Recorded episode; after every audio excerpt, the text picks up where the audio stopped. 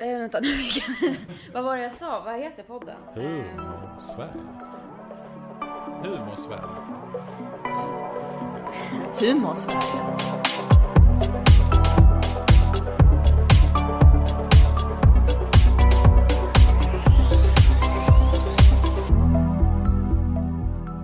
Välkommen tillbaka alla lyssnare till ett eh, nytt avsnitt av eh, Hur mår Sverige? En podcast av Sverigehälsan. Jag står här idag tillsammans med en eh, trogen gäst, eller ja, en, del, en stående del av eh, dagordningen, Peter Stjernfeldt. Ja, hej, hej. Hej, för de som inte kommer ihåg vem du är, vem, eh, lite kort bara. Ja, jag är ver- verksamhetsansvarig på Sverigehälsan eh, och håller på med det mesta inom våra utbildningar kan man väl säga. Eh, jobbar mycket med Johan som är här Oui, också. oui, oui. Eh, massa projekt kring eh, ja, hälsa, välmående, hur, hur vi egentligen eh, har det i det här samhället. Lite grann namnet på den här podden. Eh, Mm. Så jag, jag, jag är inte expert på dagens ämne men jag har precis avslutat rektorsutbildningen. Mm. Så jag, har, jag ser det från det hållet. Det kan, kan Absolut. vara en vinkel. Verkligen. Mm. Och Johan då? Ja, jag är också här ja. Och jag jobbar ju tillsammans med Alice och Peter här. Och då kan man säga att de saker som har en prefix eller KBT-suffix, någonting framför sig eller bakom sig där det står KBT, då är jag ganska ofta med i detta och har varit det ganska länge. Ehm, ja, det finns flera olika viktiga delar kopplat till hälsa och KBT, där de här sakerna hakar ihop på ett väldigt fint sätt kan jag tycka. Ehm, och det kan röra covid, som i tiderna nu. Och det kan röra andra saker också. Och du har varit i skolans värld? eh, Det har jag varit. Skolpsykolog? Ja, det har jag till och med varit. Ja. Även om det börjar bli några år sedan, men jag har jobbat väldigt mycket mot skolan även efter det. Med handledning och utbildning och ärendedelar. Ja, Och sen gör du vår utbildning i familjebehandling. det gör jag också. Det Ja. gör jag också. Ja, för dagens ämne är ju just skolan och eh, lite utmaningar som skolan möter just nu eller kanske alltid har gjort. Eh, ja, saker som man tampas med i skolans värld och som vi vill lösa på olika sätt. Och jag vill bara presentera mig själv också som är, vad ska man säga, ställföreträdande poddmaster idag eh, istället för Tobias. Eh, jag heter Alice och jobbar som kommunikatör här på Sverigehälsan. Och jag kommer mm, leda det här samtalet lite idag. Ja. Och du har gått i skolan, Alice? Ja, det är väl eh, den stora kopplingen som jag har till skolan, att jag har gått i den. Och nu jobbar jag ju på en skola, Sverigehälsan, det gör vi ju alla. Just det. Eh, men det är ju mer, kanske inte just en, den typ av skola som vi kommer rikta in oss på idag, utan mer barn och unga. Mm. Ja. Just Grundskola det. Just det. och gymnasium. Mm. Yes, så ja. Johan, vad möter vi egentligen för utmaningar i skolan idag? Ja, alltså så här, det har ju varit en livlig debatt under ganska lång tid skulle jag säga om vad skolans uppdrag ska vara. Backar man tillbaka så var det en uppgift en gång i tiden för att vi skulle kunna läsa katekesen vidare till dugliga samhällsmedborgare. Men det har ju varit en jättestor debatt de senaste 20 åren. Vad, vad ska skolan hålla på med? Det har varit PISA-utredningsdiskussioner. Det har varit diskussioner om hur vi ska hantera stök och bök i klassrummet. Så att jag skulle säga att det är en ganska bred solfjäder av olika komponenter där lärare, pedagoger, specialpedagoger, socialpedagoger, psykologer, socionomer, alla möjliga yrkeskategorier träffar på olika former av problembeskrivningar. Så att egentligen måste man dissekera det här utifrån lite olika delar just då. Och som Peter som kommer från rektorshåll nu då, då har man också ett pedagogiskt ledarskap, man har ett ledarskap där man ska försöka ratta skolan. Jag kan säga på rektorsutbildningen nu, tre år. Jag tror inte vi har pratat en enda gång om eh, de här utmaningarna som har med elever. Med olika funktionsvariationer att göra till exempel. Nej. Jag tror inte det har varit uppe en enda gång. Utan det man pratar om där är ju eh, drift och måluppfyllelse och Ja. så. Och då är det måluppfyllelse, då är det en pedagogisk Ja. måluppfyllelse snarare än att eh, Pelle eller Stina besitter den ena eller den andra eh, olika förmågor, mm. olika kunskapslägen, en variation, eller hur? Utan mm. det är mer så här, hur får vi alla till E? Ja, Eller, precis. Minst, och elevhälsan är mm. ju, tänker jag, den är obligatorisk. Verkligen. I alla fall på grundskolan. Och då, ja men det blir ju intressant, hela det perspektivet. Ja. Eh, det pedagogiska är ju i fokus. Ja, det, är ju, det är ju det. Och, och lärandet. Eh, Absolut. Och ska kanske vara. Men det finns mm. ju andra utmaningar för att få till detta. Eh, Absolut så. Och rektorn måste kanske där vara en samlande kraft eller en, den som organiserar, ja, enar all skolans personal i att jobba åt rätt håll. Verkligen. Ja, och jag tänker att det, hur det blir har att göra lite grann med eh, vilket intresse den här rektorn har. Eh, mm. Vad är man intresserad av inom skolans uppdrag? Mm. Ehm, har du en, en, rektor, jag har ju flera kompisar då som är jätteintresserade av just det, alltså hälsodelen i skolan, ja. det sociala uppdraget liksom. Ja. Och då blir det ju bra. Jag menar det, det som man sätter fokus på det, det, det, lyckas man med. Men har man inte mm. fokus på de delarna mm. så blir det ju bristfälligt. Och då, Verkligen. Eh, så det är rätt så, det är lite trist att det kan vara så olika. Absolut, och betänk då också att vi, vi runt, låt säga en enskild individ, en enskild elev, har kanske flera andra aktörer också. Mm. Bara, bara en kort skissering skulle ju då vara eh, barn och ungdomspsykiatrin, mm. eller unga vuxna beroende på ålder. Vi har socialtjänstkoppling kanske, mm. vi har elevhälsoteamet och så har vi då pedagogen i klassrummet. Mm. Finns det dessutom boenden och stöd på andra platser, då kan det finnas fem, sex olika aktörer mm. Runt en elev. Mm. Och i det här, precis som du var inne på Alice, så förväntas rektor på ett eller annat sätt organisera det på vad säga, på skolans då makronivå.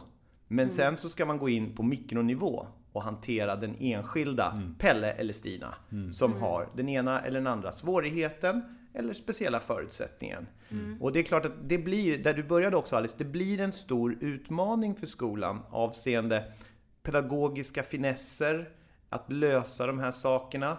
Vissa har problematisk skolnärvaro, det vill säga att de är i skolan men de stryker runt i korridorerna och kanske inte gör det de ska. Utan de, de hänger där. Och så har vi de som har problematisk skolfrånvaro. Mm. Det vill säga de som inte är där alls. Ja, så vi har lite ju, olika delar. Det är ju två saker som är riktiga som man säger, varningstecken vad mm. gäller, mm. ja, mår den här eleven bra? Mm. Hur har den det hemma? Hur har den det i skolan? Ja. Vad kan man mer, förutom eh, frånvaro och problematisk närvaro, finns det andra faktorer man kan leta efter hos en, eh, ja, när man, om man vill hålla koll på hur, hur barnen mår i skolan? Det tycker jag absolut. Och jag tror att vi kanske lite grann måste titta på det här från olika håll då, så att säga. Det vill säga att den här eh, närvaron eller frånvaron kan ha många olika förklaringsmodeller runt sig. Det skulle kunna vara så, apropå Sverigehälsan, att det är en hälsoaspekt i det. Det vill säga social fobi, social ängslighet. En socialt ängslig person vill ogärna sitta och räcka upp handen bland 25-30 andra personer och svara då på vilka prepositioner som styr ackusativ på tyskan. Det vill man inte svara på. Det blir bara jobbigt, obehagligt, läskigt. Nu kvalar jag in. Ja, ja, men, ja. tycker jag verkar jobbigt. Ja, det är det. Det är jobbigt och läskigt. Och det kan man väl ha förståelse för. Jag tyckte inte heller om att presentera saker på S-zonen. Man skulle gå fram och visa någon ful OH-bild och det var bara obehagligt. OH, ja. Ja, nej, men eller hur? Kommer ni ihåg? Va? Eller hur? Alltså, och det, det där är ju någonting som spökar, även om de har powerpoint-slides idag, kidsen och så vidare så skulle jag säga att, att, bara som ett exempel så skulle psykisk ohälsa, till exempel social ängslighet, social fobi, kunna vara en förklaringsmodell mm. till varför det ser ut som det gör. Och det kanske är en förklaringsmodell i sig på hur eh, man ser att eh, från närvaron har ökat nu i vissa delar mm. av skolan, eller hos vissa elever mm. under covid-19. Ja, just det. Absolut. Att de hellre ja, delta när man inte behöver exponera sig så mycket. Ja, men Zoom och, och, Hangout och vad man nu använder för digitala plattformar är ju liksom tilltalande och härligt om du i vanliga fall då som, som Peter till exempel som inte ville räcka upp handen just när det kom till ackusativobjekten där utan då, då är ju att göra en liten markering, skriva i chatten eller liknande i Zoom att skriva att ja, men jag vet vad svaret är och så skriver man det så behöver man inte, kan till och med sitta kanske med stängd skärm och så mm. vidare. Så att, Mm. Ehm. Men det ligger ju som i vårt område när vi sysslar med vuxenutbildning mm. Eh, och i våran läroplan ja. som vi jobbar utifrån mm. som ju är, eh, skiljer sig från grundskola. Ja. Där handlar det om väldigt mycket, tänker jag, de övergripande målen. Att eh, olika eh, elever har olika sätt att lära sig saker mm. och har olika behov ja. för att få till en eh, kunskapsutveckling. Liksom. Och där ligger det faktiskt på oss att möta varje individ. Och där, det, där kan man väl säga att Sverigehälsan, Uppsala universitet, Lunds universitet eller en gymnasieskola i valfri stad eller ett mm. högstadie brottas med snarlika ja. utmaningar. För vi har en ganska spretig grupp framför oss. Mm. Eller hur? Mm. Det, det, har man oftast på de allra flesta platserna. Ibland är den lite mer sådär enhetlig och hänger ihop. Men ganska ofta skulle jag säga att någon har lättare för det ena och snappar upp det snabbare och någon har lite lättare för andra och någon har svårt för många saker och, och då gäller det att när man står längst fram, vilket jag ju själv gör här på Sverigehälsan och står och pratar på familjeutbildning, missbruksutbildning, spelmissbruk då och annat, att man hela tiden tänker att okej, okay, vad har vi kanske den som har mest behov mm. och vad har vi någon som redan har nästan somnat in mm. för att det är på en grundläggande mm. nivå. Men att man kan möta båda mm. dem. Och det är ju samma skulle jag säga, även om du har en förskoleklass. Ja, jag undrar, jag minns min skola, jag tror mm. aldrig under en enda gång, det är överdrivet kanske, men jag tror aldrig någon frågade mig eh, hur vill du lära dig? Alltså, Nej. Hur vill du att det ska vara? Nej. För på min tid, och nu är jag ju mm. stofil här då. Ja, ja. På min tid så satt man och lyssnade och så fick man ett alternativ. Liksom. Absolut. Så här ska du, och nu ska du kunna det här. Ja. Men jag tror skolan har kommit längre i det Pe avseendet. Den pedagogiska forskningen, pedagogiska utvecklingen är ju fantastisk och jag skulle säga att, att lärare där ute är grymma. Det är inte mm. där, det är, det är inte lärarnas fel det här på inget sätt. Tvärtom skulle jag säga att de flesta är otroligt skickliga pedagoger. Mm. Däremot så kan man ju säga då, apropå uppdraget där Alice började, att om man då som lärare också förväntas omhänderta psykisk ohälsa, utagerande beteenden och så vidare, samtidigt som man ska lära ut floderna i Sverige, Danmark eller Tyskland, ja då blir det en nästan omöjlig utmaning. Eh, och eh, många aktörer försöker hjälpa till, men det är inte alltid så lätt att lösa det här. Det leder, oss in, leder ju in oss lite på det här med en av ja, skolans kanske största utmaningar med eh, lärarbristen. Mm. Och bristen på tid för läraren att just utföra det pedagogiska. Och eh, ja, man behöver egentligen helt enkelt stöd från andra delar av skolan. Eh, skolans personal med allt det andra som mentorskap och mm. eh, ja, allt vad det kan vara. Materialhantering, mm. IT-frågor. Mm. Och eh, vi har ju faktiskt en eh, utbildning nu som startar till hösten. En lärarassistent, ja. ja. Mm. ja. Vad, hur tänker vi med den? Där i, nu finns det ju, den är ju ny hos oss. Mm. Och tanken med den är väl att eh, det ska finnas eh, viktiga vuxna i skolan som kan vara resurser för eh, läraren att nyttja i det pedagogiska uppdraget. Mm. Eh, vi vet att lärarbristen finns och den kommer att förvärras. Mm. Eh, och det bästa hade väl varit om vi såg till att lösa det. Ja. Ehm, och det jobbas ju på det. Men mm. Eh, sen finns det områden i skolan där lärarna kanske har, det är svårt att förena de här olika uppdragen. Ja. Så våra lärarassistenter kommer att få, ehm, det, det är ju initiativ från regeringen också i det här med, ehm, det är ett, ett förslag. Sen tycks det lite olika om detta från mm. olika lärarfack och mm. olika rektorer tycker olika kring ja. det här. Liksom. Men faktumet är ju att det finns ett statsbidrag ja. ämnat för lärarassistenter ja. som eh, kommuner inte Nej, det utnyttjas, utnyttjas inte. inte. Eh, och det här, när man pratar lärarassistenter så handlar det just om, det står mycket kring att kopiera papper och sånt där. Men det, mm. jag vet inte om det kopieras så mycket papper. Vi lägger fokus istället på man ska ha en bra pedagogisk grund. Mm. Eh, man är inte mm. lärare och det är inte meningen att detta är någon... Nej, man ska inte gå in och ta lärare. över.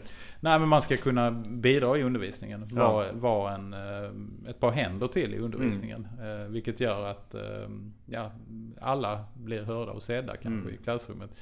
Sen kan man också tänka sig att det pedagogiska uppdraget sträcker sig även utanför klassrummet. Mm. Så man kan ju, just det här som händer på raster och i, ja, Fritidsklubben, raster, ja, alla möjliga. Ja. Många saker liksom. Mm. Så att vi har ju tänkt att, att våra lärarassistenter ska ha en liten profil med lite mer kunskap kring eh, ja. psykologi, kanske ja. kring eh, de problem som kan finnas inom eh, neuropsykiatrin. Liksom. Ja. Och vara en eh, brygga där mellan kanske elevhälsan, pedagogerna, mm. föräldrarna. Ja. Som i, ja, den som kanske kan se eleven och säga okej, okay, den du verkar inte må så bra. För att läraren mm. har kanske inte alltid tid till det. Och läraren lägger ju mer och mer tid på admin.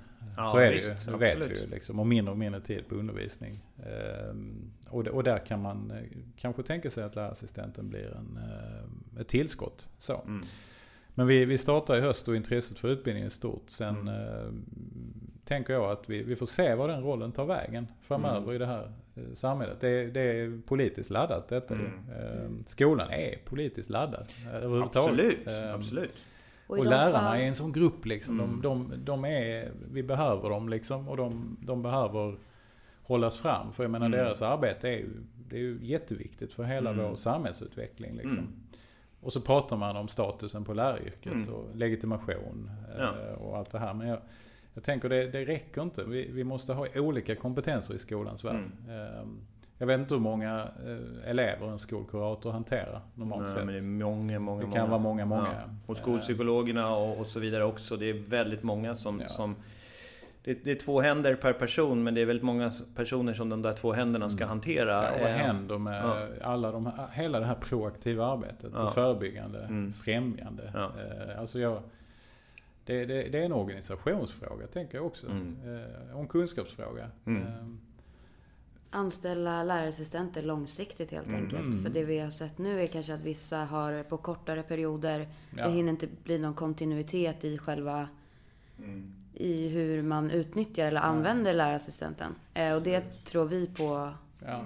kan förändra mycket. Sen är ju ja, fritidsverksamhet, det också, finns också en läroplan. Mm. Och det är också viktigt att veta. Och elevassistentrollen är ju problematisk. Den som redan finns på de allra flesta skolor. Då, då får man ofta ta i det allra svåraste. Ja. Men har minst utbildning. Ja, men det, och det, det precis. Och, och det blir ju väldigt svårt. Man kan ju tänka sig också att de här eh, lärarassistenterna som kommer finnas i klassrummet blir en form av lackmuspapper för att liksom mäta och se vad som sker i klassrummet.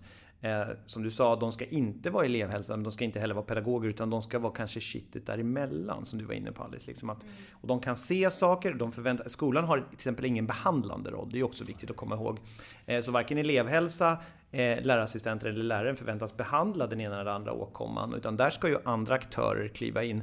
Eh, men lika fullt så är ju skolan som helhet det där lackmuspappret också. Det är ofta skolan som uppmärksammar saker och ting. Och vi diskuterar, eh, vi var inne på det här med ohälsa, neuropsykiatri och så vidare. Men det finns ju en annan sak som också gör att, att det blir en väldigt stor utmaning för pedagogerna. Det är intellektuell kapacitet. Vi vet att om du har tillräckligt låg intellektuell kapacitet, då blir du föremål för LSS och den typen av insatser. Men de som ligger i den här så kallade bortglömda gruppen, den här gruppen som ligger ner runt 75 på IK-skalan, alltså intelligenskvotskalan, de har stora svårigheter för de kommer inte att vara föremål för LSS. De kommer finnas i det vanliga klassrummet, men de kommer ha svårt att få ihop till ett enda E redan tidigt. Och det där är också en utmaning apropå hur ska man hitta dem? Ja, men här kan ju eh, lärarassistenter och så se att eh, äh, men här finns det ingen ADHD, här finns det ingen autismspektra-problematik, här finns det ingen ångest, här finns det svårigheter. Personen har svårt att ens veta vilken sida som ska fällas upp, personen hänger inte med, den befinner sig kanske till och med något eller några år bakom sina kursare i kunskapsläget. Så när de sitter och räknar ut radien på en cirkel eller liknande och håller på och dribblar med olika komponenter så är den här personen fortfarande har svårigheter med grundläggande multiplikationstabell eller vad det nu kan tänkas vara. Så att det finns väldigt många utmaningar här där eh, pedagogen får brottas med väldigt mycket och där tänker jag att eh, socialpedagoger utanför klassrummet, kanske ibland i, men framförallt de här lärarassistenterna i klassrummen kan uppmärksamma och se sådana här saker. Ja. Och sen koppla på lämpliga utredningar. Då. Och vi har ju en socialpedagogutbildning också inom yrkeshögskolan. Mm. Och där ser vi och har sett, vi har gjort den många år nu då, men det, vi ser ju att fler och fler går mot skolans område. Mm. Ehm, och, och, skolan tar emot dem med öppna armar. Ja, visst. Ehm, för de har en, en pusselbit som saknas. Ja. Ehm, helt klart i skolans värld nu då. Mm. Men du, det, den frågan Alice ställde om utmaningar. Vi har haft lite pedagoger i våra KBT-utbildningar också. Ja, har vi haft. Eh, vad, vad, liksom, vad kan en KBT-utbildning ge en pedagog? Eller? Ja, alltså, till att börja med så skulle jag vilja bara börja så här då att pedagogerna har en bra grund för KBT och pedagogik gifter sig väldigt yeah. väl. Så man kan börja där, att ja. pedagogerna står på en bra bas. Och sen, vad kommer det för tillägg då? Vad, vad lär mm. de sig mer? Ja, det är ju att detektera, mäta och se hur, eh, till exempel i den beteendeanalys, tillämpad beteendeanalys som vi lär ut, mm. att se hur ett skeende kan eh, påverkas av en konsekvens. Mm. Exempelvis så här. Eh, Anders sitter längst bak. Anders stör. Pedagogen kastar ut Anders och tänker nu bestraffade jag Anders mm. beteende här. I realiteten så har man förstärkt beteendet för det som mm. Anders ville var att lämna mm. klassrummet. Nu ska vi komma ihåg att det är ingen idag som heter Anders i princip. Nej, det här var alltså vittnade om, min ålder, vittnade om min ålder. Eh, men att, att vi är helt medvetna där om att eh, vissa saker som vi gör kan vara kontraproduktiva. En annan viktig sak, det är ju förstås att på vår tillämpade KBT-utbildning då, att vi går igenom neuropsykiatrin, vi går igenom ångestspektra, vi går igenom nedstämdhet, vi går igenom stress, vi går igenom många olika viktiga delar och vi är till och med inne på att se och detektera symptom på ätstörningar, vilket också är en viktig sak förstås. Ja. Så att pedagogen får med sig ett, ett väldigt fint register av mm. verktyg mm. som eh, hen kan använda ute i organisationen, både i klassrummet, på rasten, och sen i kontakten med vårdnadshavarna att kunna kommunicera att det här ser jag, det här sker, mm. det här kanske ni borde prata om hemma och så vidare. Och så vidare. Mm. För i det här samtalet så får vi inte glömma bort vårdnadshavarens roll i detta Nej. också. Eh, en stor del av tiden tillbringas i hemmet. Mm. Eh, och eh, det finns en massa saker att säga om till exempel läxläsning som blir ganska odemokratiskt om man inte har någon som kan backa upp och mm. hjälpa hemma. Så det finns många delar i det här. Som svar på din fråga Peter, jo, jag skulle säga att pedagogerna som går härifrån, går härifrån med en, en verktygslåda mm. av bra verktyg som är väldigt så hands-on mm. i klassrummet. Mm. Men tillbaka till Anders då, hur mm. ska man, hur gör man? Man ska inte kasta ut honom, men man ska då... Hur gör vi med Ja, honom? alltså Anders, det finns ju flera delar i det här. En, en av de viktiga sakerna, det är att kratta inför. Man pratar om att arrangera aktiverare. Vad är det som drar igång Anders i detta? Här skulle till exempel läraren tillsammans med en assistent kunna se att Anledningen till att Anders kastade limstiftet var att han blev frustrerad när han inte förstod uppgiften. Mm. Och om man då har en assistent som kan, vänta ett tag Anders, vi fäller upp sidan 32. Ja, sidan 32, jag hittar inte ens boken. Mm. Okej, okay. assistenten hjälper Anders att hitta rätt bok, att peka mot rätt sida och i lugnt tempo få jobba. Vi har ju i Sverige haft lite sådär aversion, skulle jag säga, i hela det politiska spektrat mot matchade grupper. Mm. Därför att vi har så dåliga erfarenheter av det här som en gång i tiden kallades för obsklasser mm. eller liknande. Och det där vill man inte tillbaka till. Men det fanns ju någonting med de här grupperna, de mindre, ett litet sammanhang där man fick gå igenom det svåra. Så en sak är att arrangera, alltså det vill säga titta på innan limstiftet mm. far från Anders.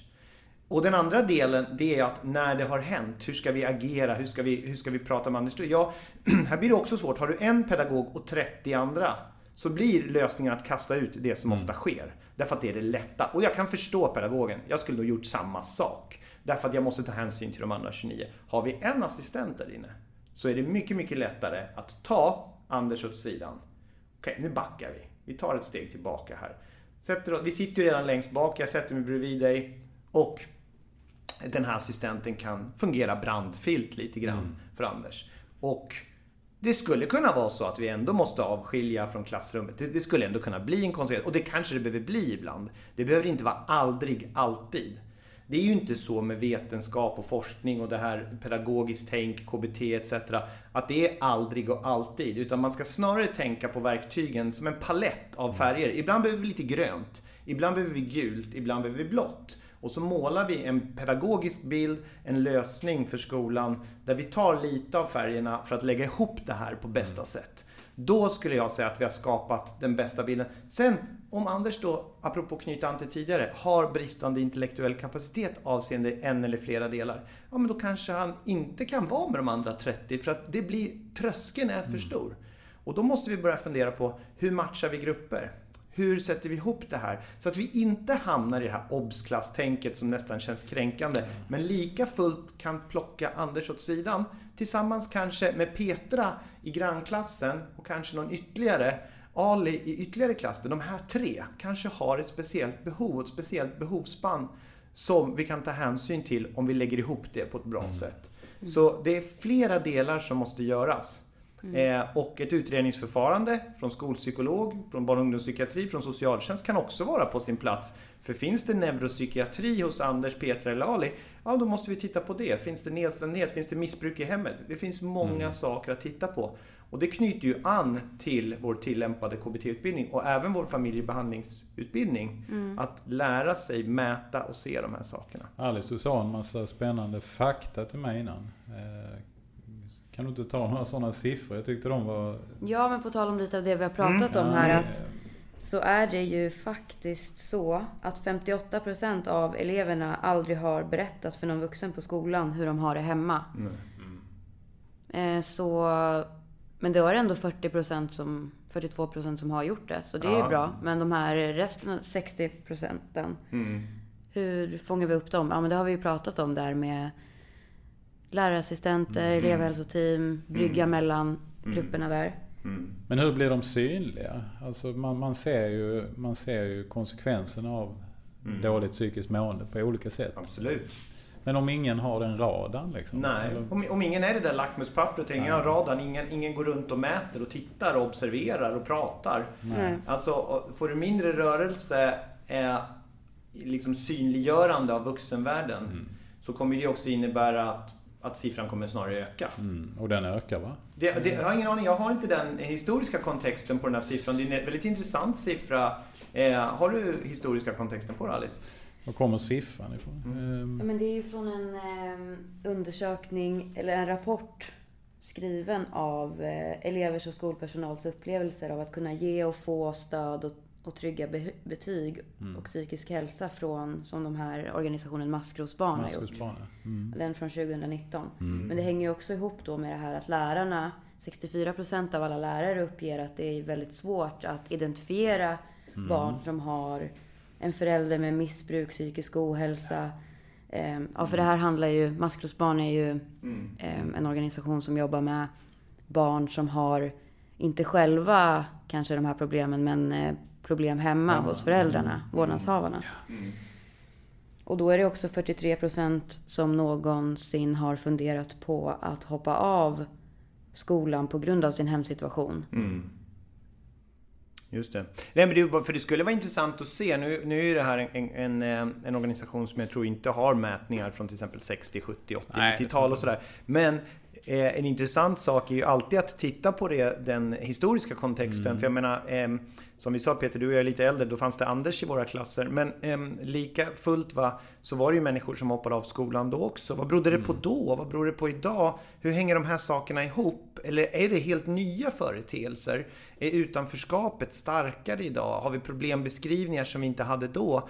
Det är såklart så att det där är ju också ett makroperspektiv, mm. det vill mm. säga ett makro i hela samhället. Ser mm. samhället annorlunda ut? Har vi fler avhopp? Ja, en sak vi kan säga som vi ju vet, är att ungdomsarbetslöshet om du inte har fullvärdiga betyg, helst från gymnasiet, eh, det fanns en gång i tiden det som lite slarvigt inom politiken kallas för enklare arbetsuppgifter, enklare sysslor. Mm. Den typen av sysslor har ju med hjälp av ja, industrialisering och moderna företeelser försvunnit i mm. stora stycken.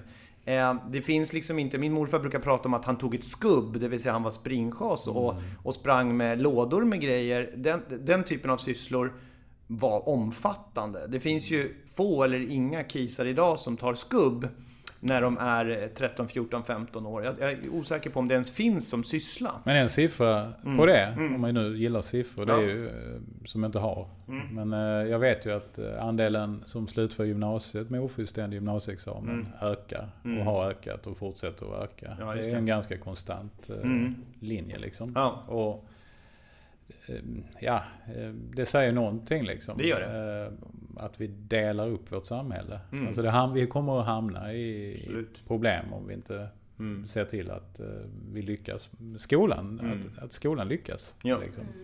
Och Universitetskanslerämbetet har påpekat det där till lärosätena, universitet och högskolor, det vill säga att vi börjar få väldigt mycket så att de som kommer till universitet och högskola är också de som har redan akademiskt utbildade föräldrar. Ja. Alltså det blir väldigt tydligt. Har, det, och man kanske har man sett? Ja.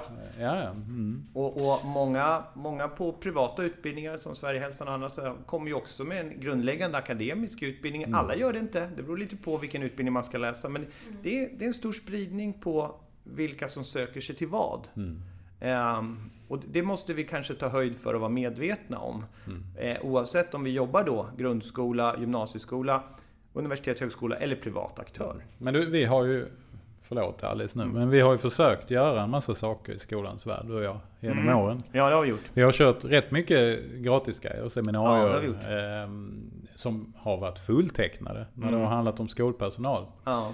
Eh, lite intressant. Mm. Och när man pratar med dem, när de kommer hit på några timmars mm. eh, ja, men en workshop eller vad det är. Då vill alla gå allt. Ja, det vill man. Men, mm. men det finns ju inga resurser. Nej. Eh, och vill vi komma till en skola och utbilda, mm. nu är vi ute på vissa uppdrag, ja. men eh, vill vi komma så är det också jättesvårt. Därför ja. att eh, det är drift och det finns mm. inte tid. Eh, för verksamheten pågår. Nej. Eh, det kan tänk... vara en sak att det, det finns en utbildningspott på skolan där man får gå en kurs eller liknande, men man kommer inte loss, som du säger. Alltså det är tiden som blir ja. den springande faktorn. Och resursfördelning. Ja. Jag, menar, jag känner ju spontant, mm. varför får inte skolpersonal handledning? Vi mm. håller på rätt mycket i, ja det får vissa, men mm. Eh, vi håller på ganska mycket i, inom socialt arbete ja. också.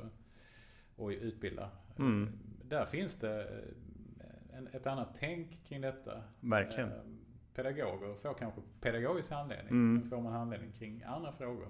Nej, det är inte säkert. Och varför mår man dåligt som lärare? Ja. Liksom? Vad, tar, vad tar det vägen, det man möter liksom? Och det, det finns ingen riktig styr på det där. Det nej, nej, nej, nej absolut. Men om ja. vi vänder på perspektivet här och säger att vi lever i en, eh, i en värld där skolan har jättemycket pengar. Och eh, någon skola kanske har jättemycket resurser och tid och allting. Mm. Mm. Vad kan vi som eh, utbildningsföretag, vad finns det, vad kan de komma och hämta här hos oss? Mm. Vad kan vi erbjuda? Ja, vi har gjort. Vad gjorde vi för elevhälsoteam? Ja, det har vi gjort. Alltså, vi har ju varit ute på handledningsuppdrag. Vi har gjort utbildningar som ibland har varit skräddarsydda, ibland har det kommit enskilda och varit med i större grupp med andra. Det finns vinster, jag vill bara slå ett slag för det då, att det finns ju vinster med att vara pedagog i en grupp där andra är till exempel socionomer, specialpedagoger, psykologer, läkare etc. Då får du också en bred Eh, breda penseldrag, du får höra andra infallsvinklar. Sen kan det finnas en vinst då när man är ett, ett, ett mer sammanhängande gäng pedagoger, att man då brottar, brottas med och vrider och vänder på snarlika eh, svårigheter, utmaningar etc. Så handledningsförfarande har vi gjort. Eh, vi har gjort eh, utbildningsinsatser. Men jag tänker också då så här, vad kan vi lära av covids pedagogik? Om vi nu lite slarvigt slår ihop de sakerna. Och där tänker jag ju att, att Zoom eh, Hangout, eh, Classrooms-delar, alla möjliga sådana här plattformar som vi kan använda. Skulle ju också kunna vara en möjlighet där det finns tight om tid. Mm. Att man har 14 till 16 två timmars grejer men man har dem, då får man ha det över längre tid istället för att åka iväg två dagar och att det blir en svårighet. Att vi har ett, ett tänk här nu att digitaliseringen kom i slutet på 90-talet. De här verktygen har funnits länge, men de flesta aktörer har inte använt dem så mycket som vi kan göra. Och det skulle ju också kunna vara så här, för det har jag pratat med lärare nu som jag har handledningskontakt med att Titta, vi ser ju vissa vinster även vi, alltså pedagogen mot eleven. Alice, du var inne på att någon eller några kanske av de här som inte har trivts i skolan lyckas bättre helt plötsligt. Alltså, vi måste ju titta på allting utifrån vad kan vi göra? Vad kan vi göra bättre? Och då tänker jag också, apropå på det du sa Peter, det vill säga att kan vi använda de här moderna plattformarna för att komma ut i skolan och utbilda i till exempel skräddarsydd KBT-utbildning som knyter an till eleven, familjen runt eleven, ohälsa, neuropsykiatri och verktygslåda. Mm. Ja, då tror jag vi kommer väldigt långt. Mm. Och där skulle man också kunna tänka sig att en kommun låter flera skolor. För att jag menar, egentligen har ju den digitala plattformen, även om det blir svårare att ställa frågor, så är det ändå så att då kan ju 200 sitta och titta mm. på en föreläsning eh, på håll. Och eh, så får man jobba lite mellan själv och sådär. Tänk om man, så ja. kunde man lägga krutet på implementeringen. Just det. Och, och metodstödjandet. För jag menar, Mm. Det har vi också sett, tyvärr mm. det får man väl säga, liksom, mm. att vi har landat ett uppdrag i skolans ja. värld som sen, ehm, ja men får genomslag sen. Ja. Eh, hur ska vi få detta att hända, det vi nu Absolut. har lärt oss liksom. Ja, och så skickar man en och så ska den ut, internutbilda, ja, det är jättesvårt. Ehm, och det, det pratar vi alltid om liksom. Mm. Men vi får, där får vi aldrig komma. vi, vi har något uppdrag där vi är ute på plats sådär, men det... Nej Alltså lägg, lägga krutet på ja. rätt saker. Jo, men, och även där då så kan man använda den digitala plattformen så att inte någon eller några, ja, någon annan eller hela gruppen ska åka till mig eller jag ska åka till mm. dem. Utan att man använder även vid implementering, mm. vid handledningsförfarande efter utbildningen, så använder man eh, digitala plattformar för att boosta, underhålla, bolla, vrida, vända, reflektera och så vidare. Men hur tränar ni? Nu, nu har du kört i vår här då. Eh, mm. Har vi, vi har ju lagt om till fjärrundervisning. Det ja. vet Alice för mm. hon har varit ganska involverad i detta. Ja, hon har varit, hon har varit bäst i världen. Ja, du har fått jobba ja. digitalt. Ja. Eh, så. Det har gått bra. Det har gått mm, jättebra. Jag har kört alla utbildningar helt på distans. Ja. Mm. Både live och Eh, de flesta har kunnat se också i efterhand för det har varit många sjuka då på grund av covid-19 och mm. behövt hoppa in på jobb.